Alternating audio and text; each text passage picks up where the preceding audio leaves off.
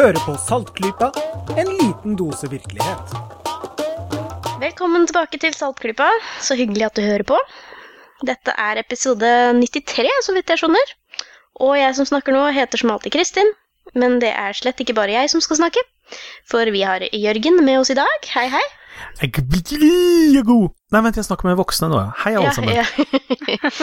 det er viktig å omstille seg. Det er viktig å Jeg er omstille seg. ikke sikker på om det er riktig sant, det, altså.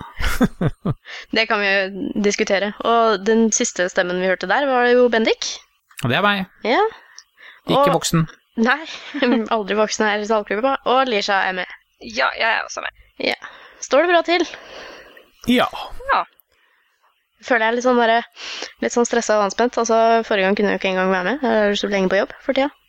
Føler liksom at jeg kunne trengt litt sånn eh, trengt, Nesten trengt litt sånn healing. altså, da, da, begynner gå, da begynner det å gå litt langt når jeg føler jeg trenger litt healing. Men det har vært litt eh, vet dere, Er det noen som vet om noen som har litt sånn varme hender, som kan hjelpe meg? jeg har det. Du har det? Ja, men Mm. altså, jeg sitter jo på Økeren. Det er jo altfor langt unna. Nei, jeg har 25 minutter å gå for meg til det, tenker jeg. Kanskje 30. Ja, Nei, det blir nok altfor seint. Du får ta den en annen gang. jeg har lest eh, en artikkel i Østlendingen om en som har varme hender og sikkert kan hjelpe deg. Eh, det er en mann med navn Svein Sparby i Åsnes. Eh, Snakker vi skikkelig lokalnyheter nå, eller? Ja, vi gjør det. Og det er selvfølgelig en fantastisk artikkel uten et eneste, en eneste kritisk innvending i det hele tatt. Han får lov til å bare fortelle alt hvor bra han eh, holder på. Og vi to av pasientene hans også, så det er ikke bare tatt helt ut av lufta. nei da, det er med noen pasienter som skryter av ham også. Uh, Og jeg, jeg har jo artikkelen foran meg her, og det er jo helt fantastisk altså Jeg, jeg syns den nesten er litt sånn fin, uh, selv om det, dette er jo et kroneksempel på uh, f.eks. ting man leser om som bare bidrar til å opprettholde ukritisk tenkning i samfunnet og sånn. Jeg klarer nesten ikke å ta det helt alvorlig denne gangen her, for det, det er jo nesten litt søtt. Det er jo en mann som står med hendene sine over to veldig Det ser veldig hyggelig ut, eh, et eldre par mennesker. Og litt sånn trollmann-stands der. Og det er bare Det er så fint, og han skryter av at det hjelper, og de som kommer til han, sier at eh, 'jeg hadde jo ikke gått hit hvis det ikke hjalp', Det er liksom den Det er liksom den derre halvannonsen, da, for eh, virksomheten hans. ja. Ja, det, det- er litt det er sammenblanding. Det er ikke, dette burde ganske vært litt mer tydelig merka at dette er ikke helt redaksjonelt stoff. Men han har jo en kvist, denne mannen. Ja. han ikke det? Ja, Det står her han prater med kvisten og mener bestemt at han får mange riktige og vettuge svar. For det er jo en slik ønske, ønskekvist.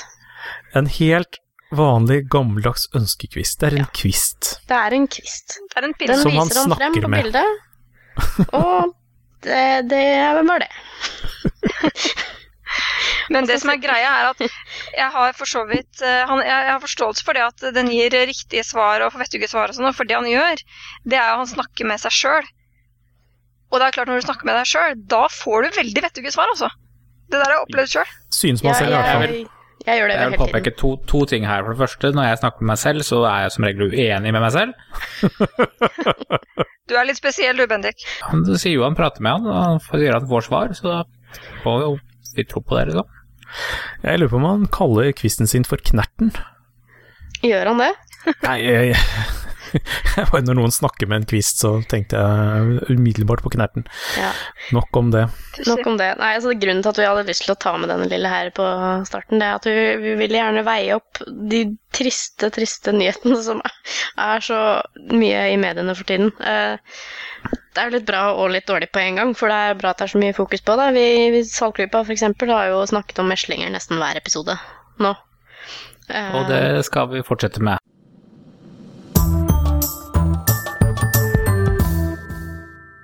Det ser veldig stygt ut for at det kan bli en sånt recurring theme. Dessverre, ja. Eh, for uh, vi har snakket litt om utbruddet i USA, uh, med røtter i Disneyland og rike områder i California og folk som liksom ikke har så mye å bekymre seg over, da. Men det jeg ikke visste, som jeg ble skikkelig nesten litt sjokkert over, er at i Europa så står det jo faktisk mye verre til enn i USA. Eh, det kan vi lese i en eh, sak i Aftenposten nylig. Eh, det står jo det at det er, det er bare barnemat, i motsetning til det vi har i Europa. og det den kommer litt i kjølvannet av en artikkel, en trist artikkel om et lite barn på 18 måneder som døde i løpet av noen få dager av meslinger. I de nordlige delene av Berlin, hvor det visstnok er et kjempestort meslingutbrudd. Ja, det er mange hundre som har. Hundrevis av uh, tilfeller. Det syns jeg er kjempeinteressant. Og mye av grunnen da, det er selvfølgelig vaksinemotstand, vaksineskepsis, som det heter da i mediene. Ja, dette er jo mye i Steiner-miljøer, og de er jo veldig sterke nede på kontinentet. Uh, og så er det noe med det at i USA så har de hatt en Det virker som en sånn stor greie i USA, fordi for 15 år siden, i år 2000, så erklærte det amerikanske ja, Folkehelseinstituttet de erklærte meslinger for utryddet fra De forente stater. Mm. Og derfor så har jo dette blitt en sånn stor greie. Når folk eh, faktisk, mange blir syke, så var den jo slett ikke utryddet. Mens i, Nor i Norge, så i Europa, så har vi aldri hatt noen sånn stor erklæring om at nå er det slutt. Um, så derfor så har, er ikke dette like salgbart, men det er, som du sier, eh, mer alvorlig her. Eh, og denne lille gutten som dessverre nå er død, han blir ikke den siste. Absolutt ikke. Det er eh, også kommet en, eh, en kommentar i Aftenposten nå av en av mine favorittpersoner som jobber der, Ingeborg Senneset. Jeg følger med på det meste hun skriver, hun er veldig dyktig. Hun skrev en eh, interessant eh, kommentar etter å, som hun har sagt selv, da, ha sittet og grubla på det kjempelenge før hun skrev den. Og det handler om eh, obligatorisk innføring av vaksine da, for og imot. Det syns Ja. jeg er en ganske interessant eh, kommentar, og det er en ganske veldig interessant problemstilling. Jeg vet ikke dere har, om dere har gjort dere noen tanker rundt det? Jeg er helt enig i at det er interessant. Jeg bare si en positiv ting til om Ingeborg Senneset. I motsetning til nesten alle som skriver kommentarer i avisene, så deltar hun faktisk i debatten Ja. etterpå. Og det Det syns jeg er kjempebra. Eh, og hun klarer også sin eh, posisjon i eh, debattfeltet til den artikkelen eller den kommentaren da, som du nevner der. Eh, og det som er litt interessant i det kommentarfeltet der, det er at det er så utrolig mange som misforstår. Jeg vet ikke, jeg, jeg føler at du må nesten misforstå med hensikt, men Mm. eh, folk er kanskje virkelig så tett i nøtta at eh, de mener at det er helt umulig å gjøre noen vaksiner obligatoriske. Fordi da blir det tvang, og dette er ikke noe man kan tvinge folk til. Eh, og det vil jeg bare si at de to tingene er ikke de samme. Det går fint an at noe er obligatorisk uten at det er involvert noe som helst tvang. For eksempel, det er et veldig godt eksempel og også relevant, nå har Universitetet i California bestemt seg for å gjøre vaksinering obligatorisk. De også, I USA har man også hver stat har et vaksineprogram. Eh, og nå blir det obligatorisk ved Universitetet i California, med deres ymse fasiliteter. Og det vil jo selvfølgelig ikke si at det blir noen form for tvang.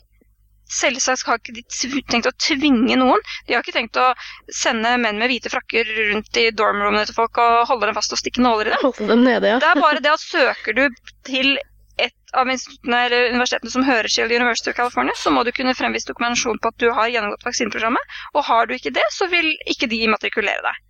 Mm. Det er bare det det betyr. Det er ingen som blir tvunget til å ta noen vaksiner. Men hvis du velger å ikke vaksinere deg, eller hvis du velger å ikke vaksinere barnet ditt, da velger du gå bort noen andre ting. Hvis du senere f.eks. vil gå inn i det militære, det vil du ikke kunne gjøre. Fordi der er vaksiner obligatorisk, men de tvinger jo ingen til å ta vaksiner. Nei. Det er bare at du får ikke Altså, du får jo ikke delta hvis ikke du har gjort Det høres ut som en ganske god deal. Hvis man slipper, hopper over vaksinen, så slipper man også førstegangstjeneste. Det- Ja, jeg skulle til å si at det der kan virke mot sin hensikt. Ja, det er kan det Hvis Grunnen til at de gjør det, er jo for å hindre at de tar med seg uh, smitte hjem fra der de drar i krig, eventuelt. Man kan jo tenke seg også at hvis du har en person som ikke er vaksinert, og de drar da i en ubåt til et eller annet fremmed land, og så får man en smittet person ned i ubåten, Mhm. Mm. så kan man jo skjønne at det er noe de veldig gjerne vil unngå. Uh, men Det det er- har jo igjen, bare det at det er obligatorisk, betyr jo ikke at det er noen form for tvang. Og hvis det ble obligatorisk i Oslo, som de nå ønsker, så vil jo ikke folk komme og drive småbarna ut av armene på foreldrene og stikke dem med nåler. Men da vil du f.eks. ikke ha anledning til å sende ditt uvaksinerte barn i en eh, kommunal barnehage, f.eks. Det viser jo at, eh, sånn som eh, Senneset skriver i den artikkelen, at eh, språk er makt. Det er jo litt sånn det, det er veldig viktig å kunne nyansere litt på hva man kaller ting, da. Eh, Altså, sånn som analogien med bilbelte, eksempel, som gjøres i denne artikkelen her. Eh, bilbelte er jo påbudt ved lov, det er obligatorisk. Eh, og det er akkurat det samme som med vaksiner. Det er langt farligere å kjøre i bil uten belte enn med. Det er jo langt farligere å ikke vaksinere seg enn å vaksinere seg, hvis man først kommer ut for utsatte eh, områder, da. Og, men bilbelter blir jo liksom ikke kalt det som kalles statlig beltelegging, da. Ikke sant? Dermed så blir heller ikke Derfor blir heller ikke altså, obligatorisk vaksinering tvangsmedisinering. Det blir jo ikke Nei, du kan la være å gjøre det, men det vil jo da skape problemer på lengre sikt. Hvis du blir stoppet av politiet og ikke har på deg bilbelte, da får du trøbbel. Men det er ikke sånn at politiet står og ser på alle som går inn i bilene sine og spenner dem fast. Det at noe er obligatorisk, betyr ikke at det er noe tvang involvert. Jeg vil bare avslutningsvis si at jeg blir faktisk veldig glad over at det er så mye dekning i media nå, for jeg tror at det skjer mye vet ikke, folkeopplysning kanskje, i bak i kulissene, når det skrives så mye i mediene, og at det er så mange ansvarshavende mennesker, altså det vil si da journalister eksempel, som, eh, som tar opp mikrofonstativet og formidler så bra som de gjør. Det gjør meg skikkelig glad. Det er, det er skikkelig masse skeptikere i mediene nå, faktisk, og da mener jeg jo ordentlige skeptikere, da. Ikke disse her um, nekterne. Uh, så på en måte så blir jeg veldig glad og lettet og beroliget. Helt til jeg da selvfølgelig går inn i kommentarfeltene, og akkurat de samme gamle utgåtte og motgåtte og filleristede argumentene om kvikksølv og lenker Ja, ja. til natural news og Det er, liksom, det, det, er akkurat som en sånn It never ends. Jeg vet ikke hva som skjer, altså. Det er noen kraftige ekkokamre rundt omkring i eh, ja, samfunnet. Ja. Og så faller alt sammen, og så blir jeg litt deppa igjen. ja, men samtidig så må man tenke sånn at uh, det sier jo statistikken, da, at eh, for hver som skriver eh, en kommentar i et, eh, en sånn debatt, så er det ti som leser. Og jeg tror at nå er det veldig mange som har sittet på gjerdet og ikke helt visst hva de skal tro, som nå faller ned på riktig side. Det er nok det. Fordi det er jo heldigvis, da, i hvert fall i de kommentarfeltene jeg har sett i denne saken, så har det ikke vært sånn at disse gærningene får stå umotsagt. Nei, det er Det blir ja, eh, Det er folk som stiller opp og retter på dem og kommer med lenker til riktig informasjon. alt der. Jeg tror det er mange nå. Det så man jo faktisk, var jo det en artikkel som eh, en mor skrev. eh, Med unnskyldning til sin datter. At hun ikke hadde vaksinert henne, for hun skjønte ikke hvor nødvendig det var. Men nå Mm. sender hun syvåringen til legen, og hun får Mm. vaksinen hun trenger. Ja. Så helt klart så er det jo folk som nå får den folkeopplysningen de trenger for å ta det rette valget. Og det kan jo bidra til å bekjempe denne her, som de kaller for vaksinetretthet. Da. At uh, de folk, folk ser ikke lenger poenget med å vaksinere, fordi de ser jo ikke noen sykdom rundt seg. Så da skjønner de liksom ikke hva det dreier seg om, da. Og Senneset skriver jo da avslutningsvis at eh, grunnen til at hun falt eh, mot konklusjonen til at ja, det burde bli obligatorisk å vaksinere nå, det er fordi at det er ekstremt viktig å gjøre det før det er for seint. Før det Ja. er flere små babyer som dør, og store, store store utbrudd med, som er umulig å bekjempe. Du Må jo også opp i, i vår generasjon, fordi vår generasjon er jo som kjent udødelige. Ja, ja. Ja. det er sant. Det er jo en del som har argumentert mot henne, har jeg sett da, i ymse kommentarer. Og stort sett går det på at dette her kan eh, slå tilbake, at eh, folk føler som eh, Uansett hva du kaller den obligatoriske vaksineringa, at folk vil oppleve det som en form for overgrep, og dermed få enda mer imot vaksinering. Så eh, Nei, det, det er vel bare det er en vanskelig å, sak, altså. Ja, det er vel bare å fortsette å opplyse og opplyse. Og, Ja, og også dette her som sagt som at eh, du kan velge å ikke gjøre det, men det får visse konsekvenser. F.eks. at man opplyser på en høflig måte om at i denne barnehagen så tar vi ikke imot uvaksinerte barn. mm, Fordi det Mm. er så farlig for eh, de fleste. Hvis det er en litt større barnehage, så vil man jo gjerne ha noen barn som ikke kan vaksineres av en eller annen grunn. Eh, eller de har søsken hjemme som ikke kan vaksineres. Så for å være på den sikre siden, så skal det være vaksinerte. Og det trenger man jo ikke Det kan man jo si på en høflig og lettfattelig måte, for å si det sånn. Eh, Men det kan være en vekker for noen. At det faktisk kan få noen reelle konsekvenser. vi må våge å ta debatten, som det heter. Ja, uten det blir det i hvert fall ikke noe bedre. Nei. Men eh, vi anser vel det som vår oppgave å fortsette å følge med på hva som skjer, og formidle dette litt i vår lille ropert, som er Saltklypa.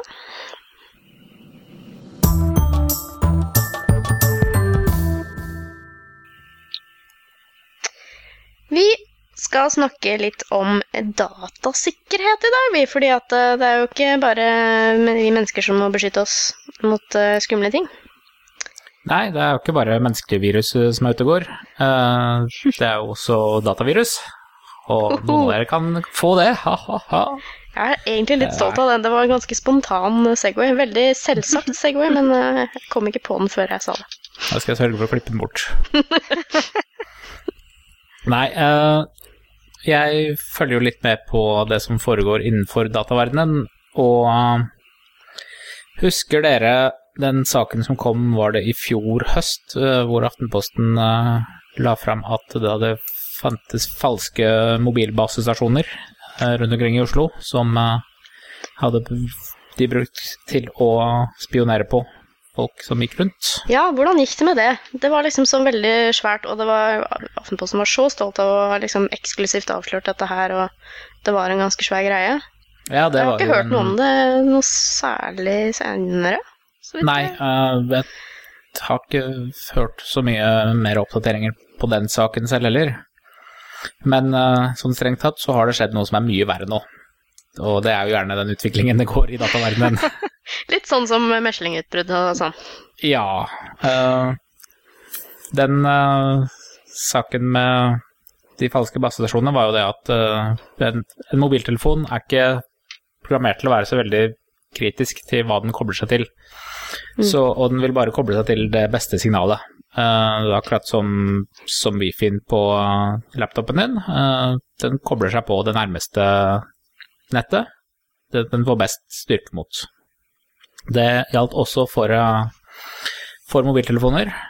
Den kobler seg bare på det nærmeste og beste nettet den finner, og hvis den ikke får noe kontakt med telenettet der, så prøver den en annen en.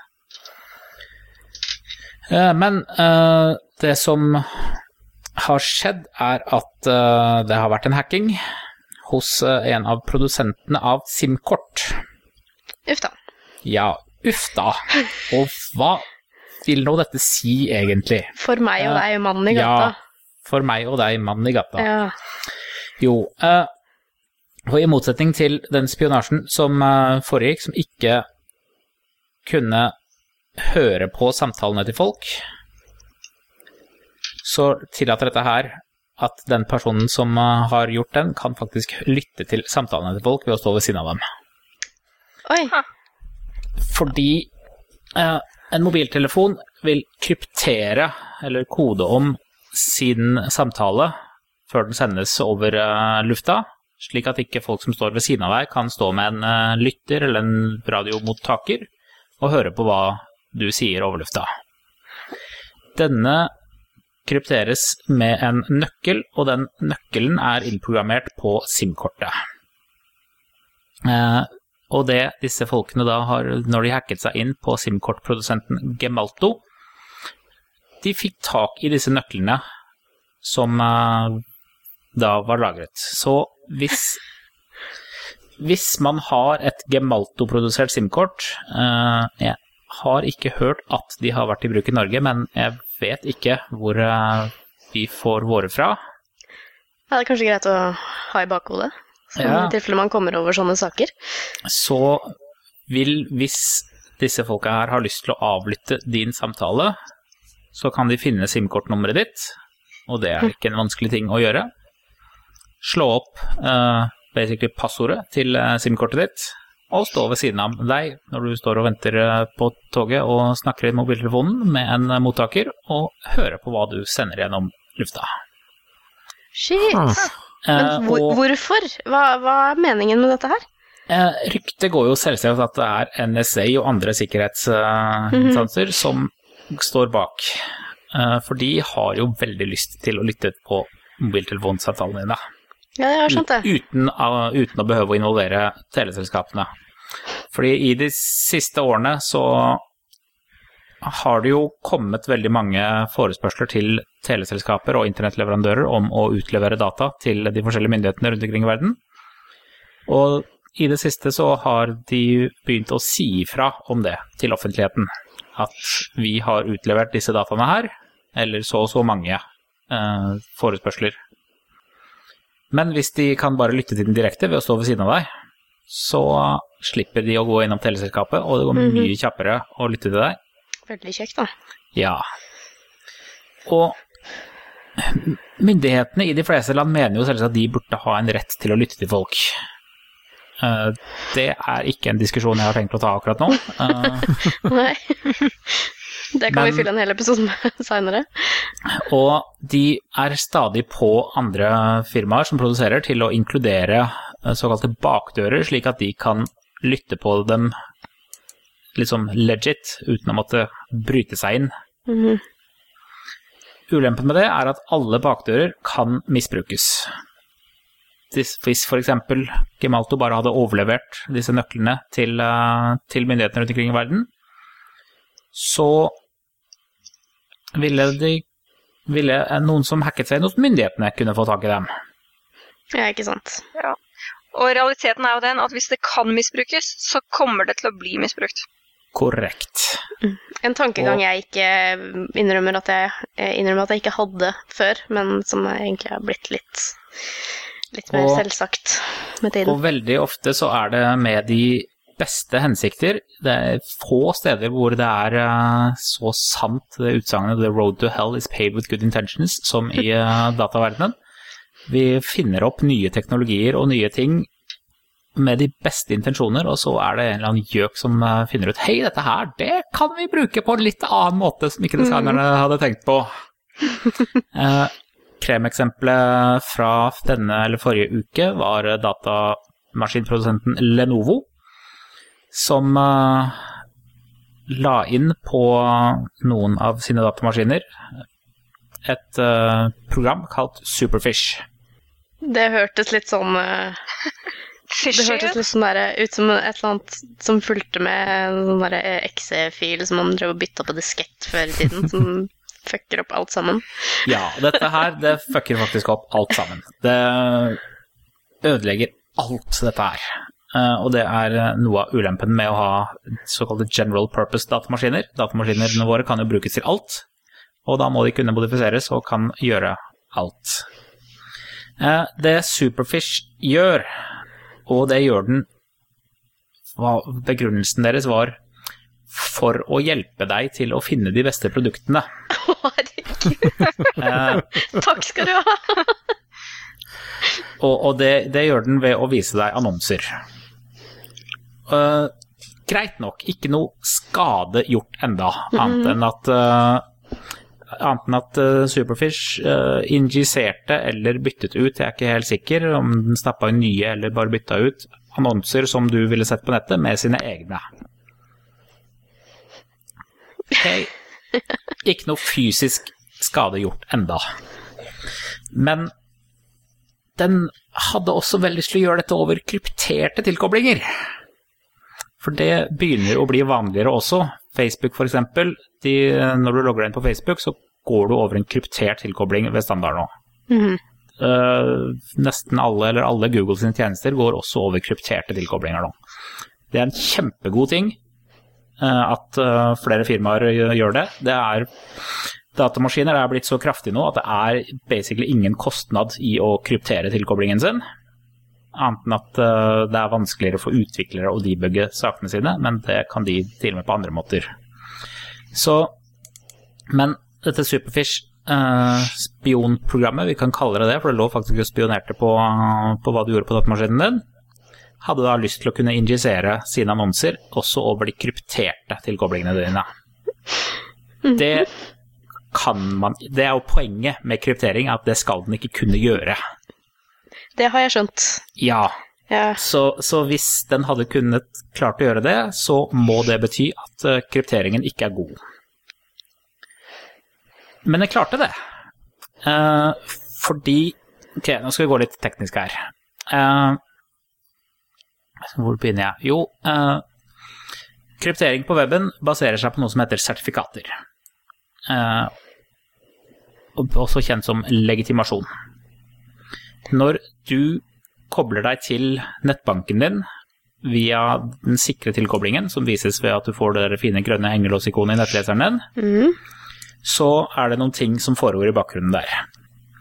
Det første som skjer, er at din datamaskin, eller din nettleser, presenterer sitt sertifikat, det har ett som det bare har generert opp for deg, til nettleseren og sier 'jeg er denne personen her'. Hvis du bruker Skandiabanken, er det vel, så krever de at du laster ned et spesialsertifikat. Da vil det faktisk det sertifikatet identifisere deg personlig. Ok. Eh, Det er derfor de har den, det styret. Men for de andre nettbankene så, så er det bare 'jeg er generisk browser nummer 2468'. Her er jeg. So far, so good.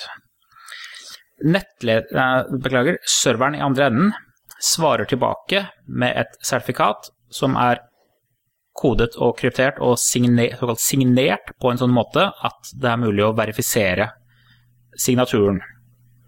Eh, Med 'Hei, jeg er www.dnb.no. Her er mitt sertifikat', som bekrefter at jeg er meg. Slik at du vet at du prater med dnb.no, og ikke en hacker som står i andre enden.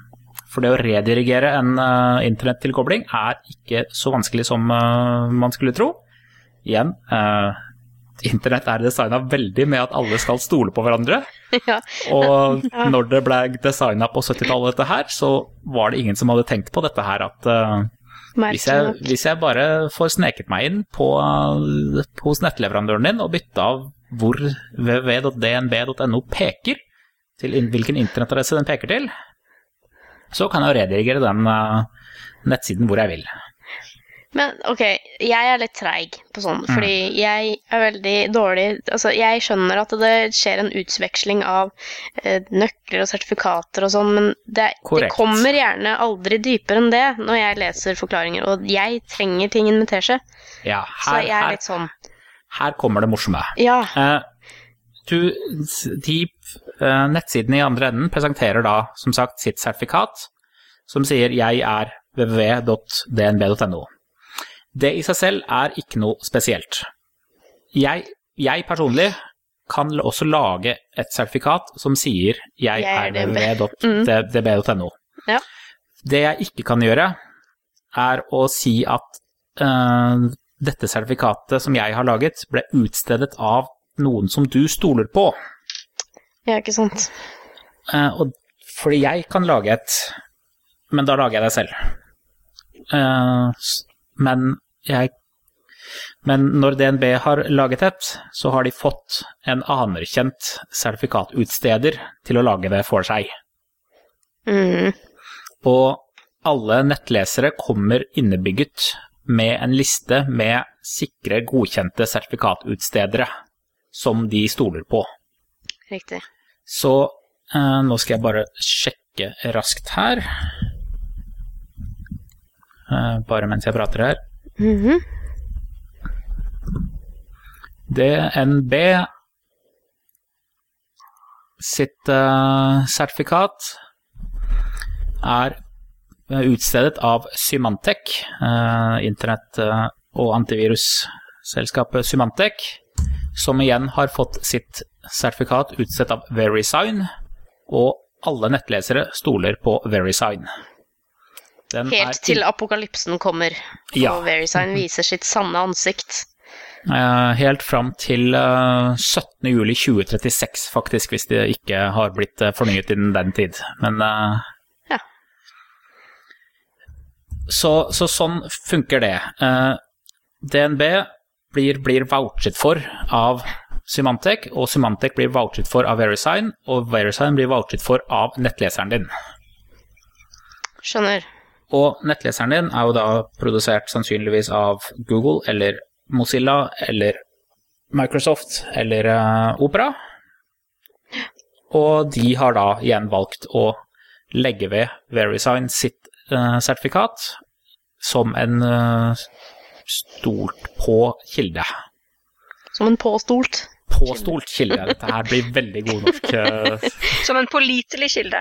Pålitelig! Sånn var det. Tusen Ja, men jeg, jeg må innrømme at jeg er veldig, glad i ordet påstolt. Og, og dette Ja, det ligger også på operativsystemet. Men det Så for å spole tilbake. Ja. Eh, Superfish hadde vel lyst til å se og modifisere den dataene som kom over eh, linja til deg, slik at den kunne stappe inn sine egne annonser der. For å gjøre det, så må den jo da kunne inspisere eh, den krypterte tilkoblingen.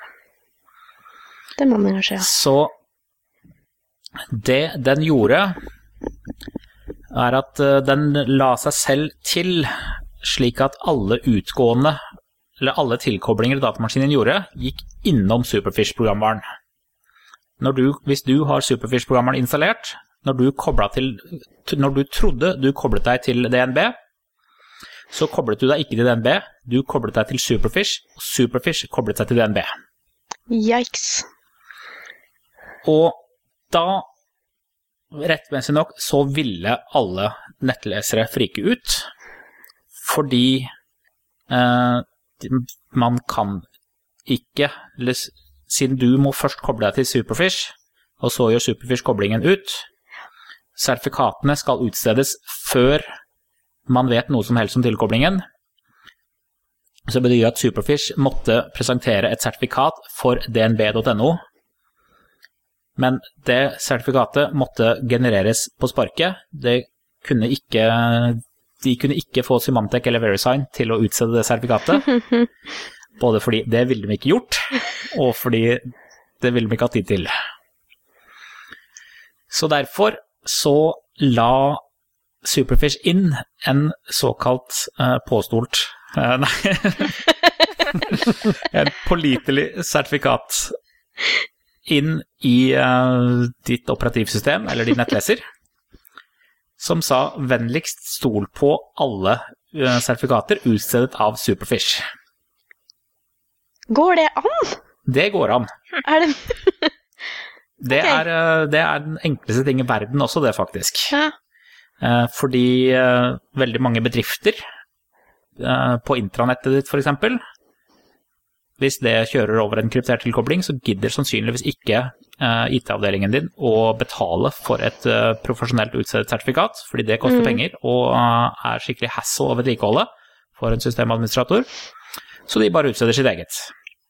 Og så, siden du da er på jobben din, og IT-avdelingen kan installere ting på datamaskinen din, så installerer de sitt eget såkalt rotsertifikat som en, eh, som en pålitelig kilde på din datamaskin. Det er ting som IT-avdelinger på arbeidsplasser gjør hele tiden. Det er totalt innenfor, uh, Ja. innenfor bruk, og det er helt legit. Men forskjellen er at det, det sertifikatet som de installerer, er kun gyldig for sine, dine intranettsider. Men Superfish installerte deg et sertifikat som skulle være gyldig for alle internettsider. Og så sa den til operativsystemet bare vennligst stol på dette sertifikatet her. Trust me, I know what I'm doing. uh, og igjen, uh, nå, nå begynner vi å være ute på litt tynn is for hva som er etisk riktig å gjøre. Uh, for det Litt. Lite grann. Uh, men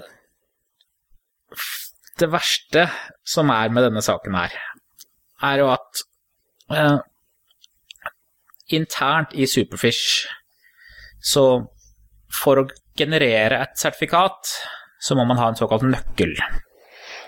Den nøkler genereres eh, skal være en privat nøkkel for å generere et sertifikat. Er ditt personlige passord. Anse det, se på det som det. Mhm. Eller når DNB genererer opp et sertifikat, så sender de sitt kall det passord til eh, Symantec, som bruker det for å generere sertifikatet.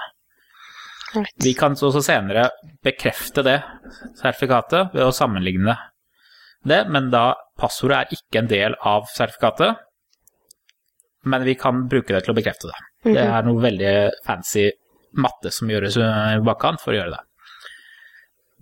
Men Superfish hadde et passord for alle sine Et passord for alle sine sertifikater. Og det var eh, navnet på firmaet som har laget denne teknologien, med små bokstaver. Å, shit. Ja. Eh, Den personen som, eh, som avdekket dette her, eh, sa han brukte tre timer på å cracke det. Det, det Altså noe som finnes i alle nyere Lenovo-PC-er, er det sånn det er? Eller Ja, eller innen, imellom september og desember på en del modeller. Ja. Ja, min, min jobb-PC er Lenovo, den er litt eldre, heldigvis. Ja, og forhåpentligvis så har du en IT-avdelingen som uh, har litt kontroll over den. Ja. Er, Så- stole, stole på dem. De er påstolt. Ja, så, så dette her betyr jo at på alle disse Lenovo-maskinene som var påvirket av dette her, så i praksis funker ikke HTTPS. Nei. Sikre tilkobling funker ikke fordi den Superfish-programvaren, når den koblet seg ut til eh, andre verden, ut, utsiden, for å hente det du faktisk ba om, så dreit den i sertifikater. Eller den dreit i om det var et ugyldig et ugyldig sertifikat der ute. Ja, for den var bare sagt til at du må stole på alle sertifikater. Ja, eller den utgående tilkoblingen som Fordi når du skulle til DNB, så koblet du deg til Du koblet deg til Superfish, og Ja. Superfish koblet seg ut. Superfish sa jepp, jeg er dnb.no, stol på meg, og datamaskinen din trodde på det. og i tillegg, når Superfish koblet seg ut, så stolte den på alle sertifikater der ute. Noe den ikke skulle gjort. Fordi den skal jo bekrefte at virkelig DNB er, eh, er utstedt av Symantec, som igjen er utstedt av Verisign. Det gjorde den ikke. Så hvis noen hadde redirigert din DNB-tilkobling til sin egen server, og bare installert sitt eget eh, et som jeg kunne laget selv, som sa jeg er DNB, og ingen går god for meg whatsoever, så hadde det vært helt greit for dem. Oi, oi, oi. Så dette her er bad. Uh, og nå i, et, i kjølvannet av denne saken her, det har jo blitt massive opprop innenfor, uh, innenfor databransjen på dette her, så har det kommet fram at det er en del andre programmer også som gjør dette her. Ja, det er det, ja. Ok. Ja. På liksom andre PC-er, da? Eller? Ja, og som vi endelig liksom har oppdaget dette her, fordi jeg, selv jeg som driver med dette her til daglig, gidder ikke sjekke sertifikatene på nettsidene jeg besøker, annet enn av ren akademisk interesse. Mm. Og, og i det siste, de siste versjonene av uh, nettleserne har jo vært såpass gode, og de har hatt såpass stor fokus på sikkerhet at vi har blitt opplært til at ser vi det grønne hengelåsen i nettleseren vår, så er det, så er det alt ok. Det finnes mekanismer for å manuelt bekrefte dem, og hvis vi hadde, det var noen som gjorde det, og jeg så at hei, dette sertifikatet til dnb.no, det er utstedt av et firma som heter Superfish, det kan ikke jeg huske å ha hørt om før. Men, men nettleseren min, den sier jo at alt er ok, fordi fra dens perspektiv så var jo alt ok. Fordi den kunne bare sammenligne sertifikatet med de godkjente rotsertifikatene på operativsystemet ditt, og der hadde jo Superfish lagt seg selv inn. Hmm. Så det her er ikke en lett ting å løse heller, fordi de bruker egentlig bare helt legit uh, mekanismer som må eksistere. Men hva skal til for å få lagt en sånn programvare inn i systemet? For at på Lenovo-maskinene så er jo det noe som fulgte med den Windowsen som man hadde på maskinen når den ble levert. Ja. Er det noe som da er mulig fordi de får administratorrettighet på, på den pakka, liksom det er inn- inne i Windows allerede? Eller er dette sånn som man kan få som malware, og så plutselig er det helt inne i systemet ditt? Den, denne var preinstallert. Uh, og så, så den hadde de gjort, eller så den var grei. Uh, de fleste operativsystem vil bekrefte med en pop-up til deg at hei, her kommer et nytt rotsertifikat, det burde du bekrefte. Sånn, men nå er jo vi også opplært til å bare trykke OK på alle dialogbokser som popper opp. Ja. Ja da. Så hvis Akseptere et program betingelsene og Ja, Sånn. så hvis et program hadde spurt om å få rettighetene til å installere et rotsertifikat, så ville det sannsynligvis fått til å gjøre det. Jeg tror de færreste vet hva et rotsertifikat er, så Ikke minst det. Og eh, også sånn relevant, eh, det skal ikke mer til i en ekstremcase at du lader opp e-sigaretten din i, i datamaskinen din, og vips, så har du et nytt rotsertifikat. Oi, såpass, ja. Ja, eh, fordi eh, her er jo nok igjen ting som er dårlig designa fra gammelt av. USB, det har du kanskje hørt om. Disse flotte, eh, magiske portene på datamaskinen som man kan plugge alt mulig rart inn i. De er kjempefine. Ja, de er ganske fine. Fra et brukerperspektiv så er de helt geniale. Du kan jo plugge alt, mulig- du kan plugge alt inn i dem, og det bare funker. Det er Ulempen. teknologi som har vart ganske lenge hittil òg, faktisk. Ja, andre. Ulempen er at uh, datamaskinen din stoler på USB-enheten. Riktig. Og nå har ting blitt såpass små og effektive at uh, for eksempel den historien som var, var at uh, noen uh, så for seg at uh, inni e-sigaretten den har en USB-port, eller en USB-kontakt for å lade opp. Eh, eller en annen ting. Dette kan gjøres i en mus, et tastatur, whatever. Så sitter en liten chip.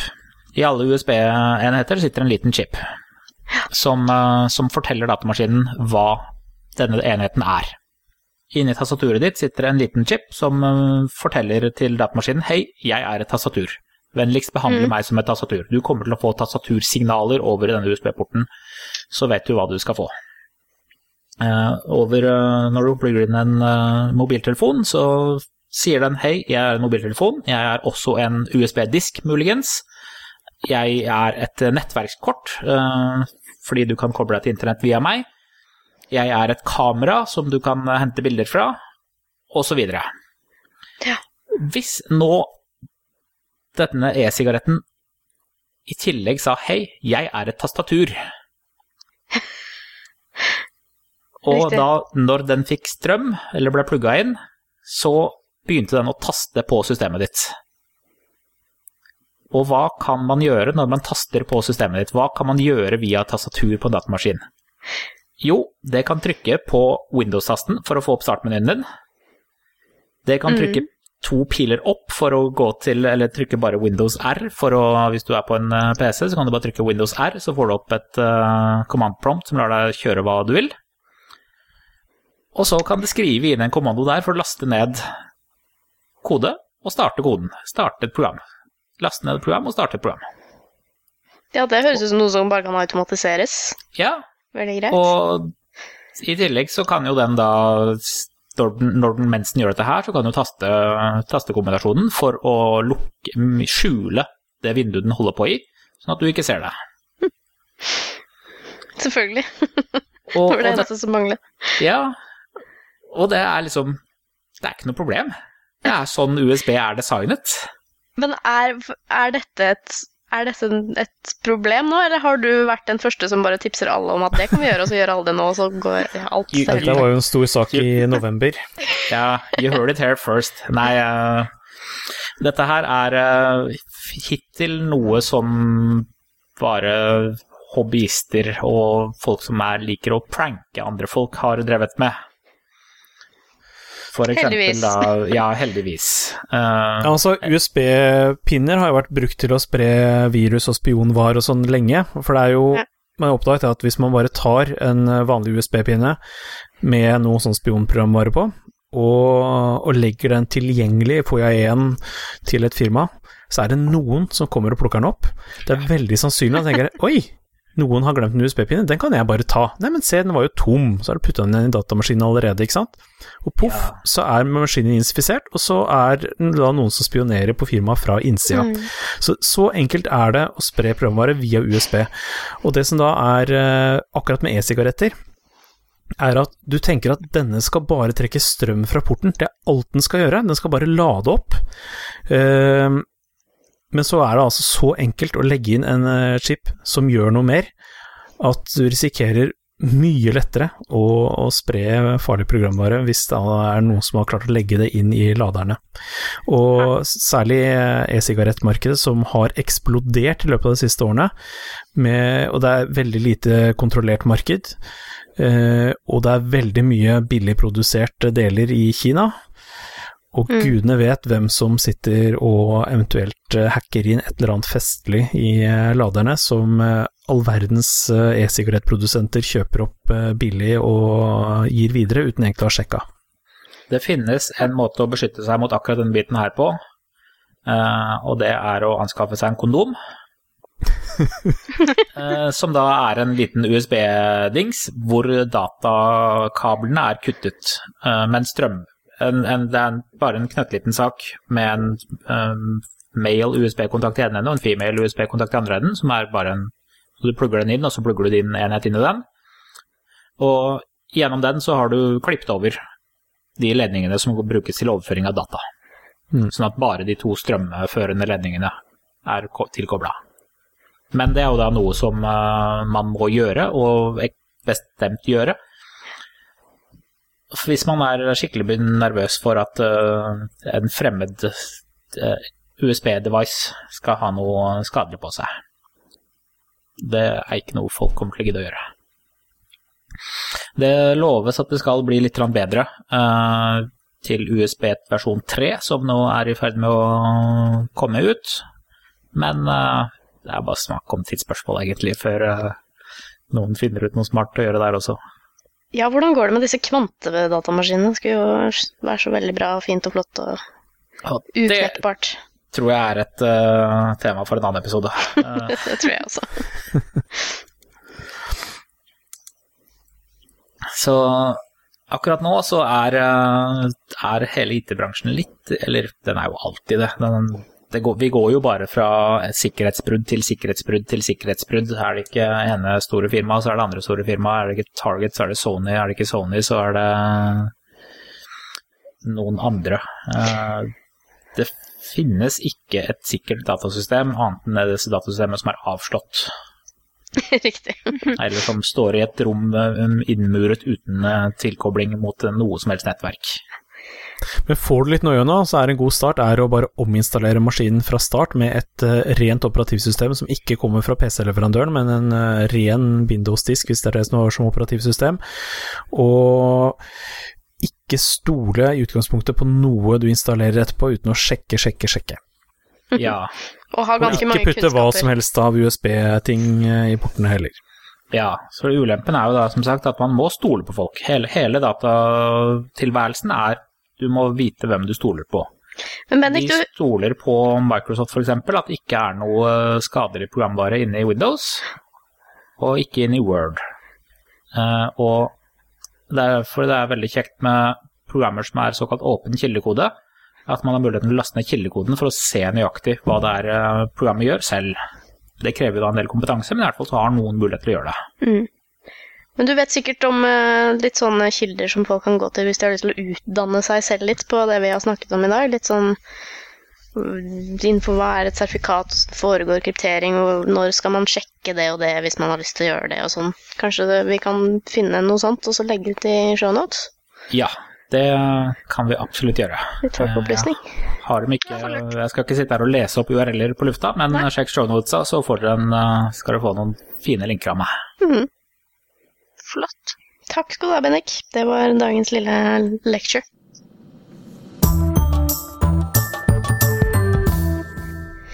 Jeg tror det er et greit tidspunkt å runde av på. Uh, før vi avslutter i dag, så har jeg veldig lyst til å minne deg som hører på nå, ja, du ja, hei hei, at uh, uten deg så ville det ikke blitt noen Saltklypa. Og du kan gjøre oss enda bedre, faktisk potensielt akkurat som du vil at vi skal være, ved å sende eh, ting til oss. F.eks. tips. Ikke bombetrusler, det har jeg ikke så lyst på, men tips og tilbakemeldinger. Eh, tenk nøye etter nå. Bare, bare tenk nøye etter. Eh, Er det noe vi sa i denne episoden som du synes var ekstra bra, f.eks.? Da si det til oss. Eller kanskje noe vi sa helt feil. Eller følte du deg rett og slett litt krenket? Um, da syns jeg du skal si fra uansett. Uh, og, eller vet du om noe veldig kult som vi ikke har snakket om ennå? Eller noe veldig ugreit eller interessant, eller noe bare du lurer på, et spørsmål du har. Nå er ikke vi eksperter, men vi kan jo kanskje snakke med noen som er det. Jeg er ekspert. Ja, det vet vi alle sammen. Eh, og hvis det skjer noe der som du bor, eh, som du vil at alle Saltsgruppa sine lyttere skal få med seg Det er jo så mye du kan tipse oss om, og det gjør du enten ved å gå inn på nettsiden vår, saltklubba.no, eller Facebook-siden og legge inn kommentar, sende oss e-post, eh, og vi finnes til og med på Twitter, og vi finnes til og med på Google Pluss. Sånn innimellom. Så vi blir kjempeglade og får en sånn god fuzzy feeling inni oss eh, hvis vi får sånne tilbakemeldinger og tips. Eh, så skal vi si at vi avslutter der? Ja. Kanskje? Ja. Da høres vi igjen om ikke så altfor lenge. Ha det bra. Ha det. sammen. Tudelu! Saltklypa lages av Kristin Lisha, Jørgen og Bendik. Har du spørsmål, anbefalinger, ris eller ros, send det til post at saltklypa.no, eller finn oss på Facebook.